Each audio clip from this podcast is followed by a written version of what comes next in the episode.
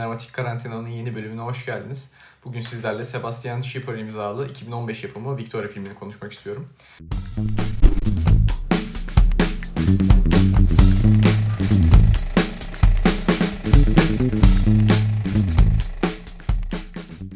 Ee, film Emre'nin de çok sevdiği bir film.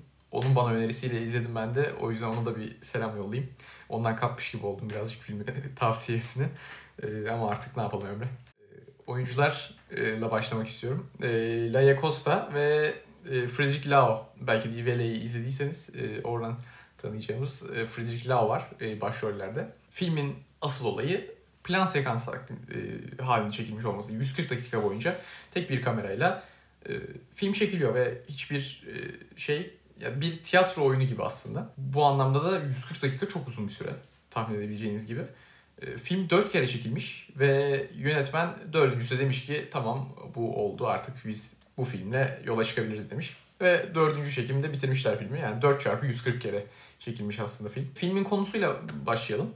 Filmin konusu Berlin'de bir yabancı olan Victoria'nın bir gece kulübünden çıktıktan sonra e, hepsi mahalle delikanlısı, böyle çakal diyebileceğimiz e, tiplerle arkadaşlık kurmasıyla başlıyor. Ve ekipten Zone isimli çocuk da biraz yakınlaşıyorlar. E, bir, çekim oluşuyor aralarında.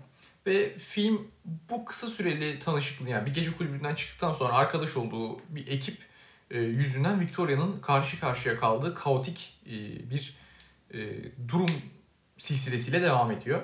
Ve filmin ilk başları birazcık yavaş gitse de bir anda film çok hızlanarak gidiyor ve plan sekansta hakikaten zaten o geçiş çok zor. Ee, onun yönetmenin ne kadar başarılı yaptığını artık siz izlerseniz e, şey yaparsınız. Ben açıkçası başarılı buldum çünkü çok zor bir iş yapılıyor.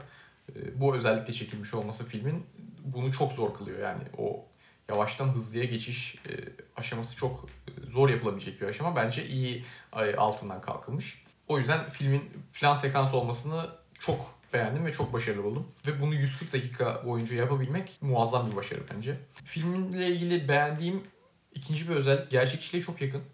Yaşanabilecek bir hikaye. Tamamen bir şey dese e, filmin başında gerçek bir hikayeden alınmıştır, esinlenilmiştir dese hiç asla yadırgamayacağım bir hikaye. O anlamda e, çok etkilendim. Ve oyunculuklar muazzamdı. Yani 140 dakika boyunca o konsantrasyonla, o şeyle rolü oynamak. Yani illaki aralarda doğaçlama yaparak tabii ki. Çünkü 140 dakika boyunca tamamen Victoria'yı hep görüyoruz. Yani 140 dakika boyunca Victoria hep var. Zorlu bir oyunculuk.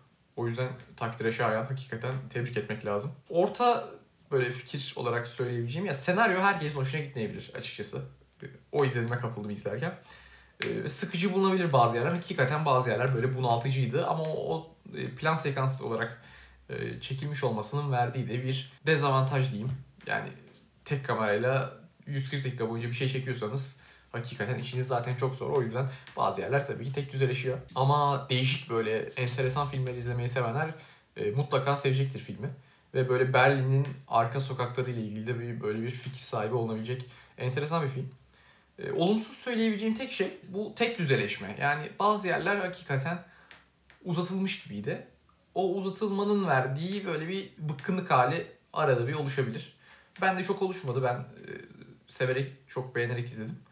Ama dediğim gibi yani öyle canınızı sıkmak istiyorsanız zaten izlemeyin filmi. Ama e, böyle değişik, güzel bir film, enteresan bir film izlemek istiyorsanız mutlaka izlemeniz gereken e, önemli filmlerden biri bence.